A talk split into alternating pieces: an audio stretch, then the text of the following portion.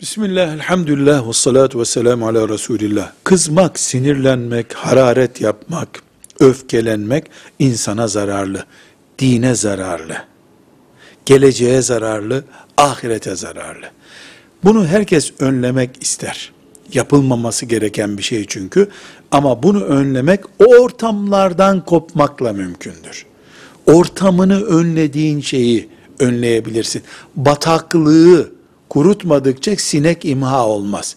İkincisi, sinirlenen insanlar sinirlendiğinde Euzu billahi mineşşeytanirracim demesini bilmelidirler. Ortamı değiştirmelidirler. Evde sinirlenen balkona çıkmalı veya sokağa çıkıp parka çıkıp bir tur atıp gelmelidir. Abdest almak faydalıdır ve susmak tek çaredir. Velhamdülillahi Rabbil Alemin.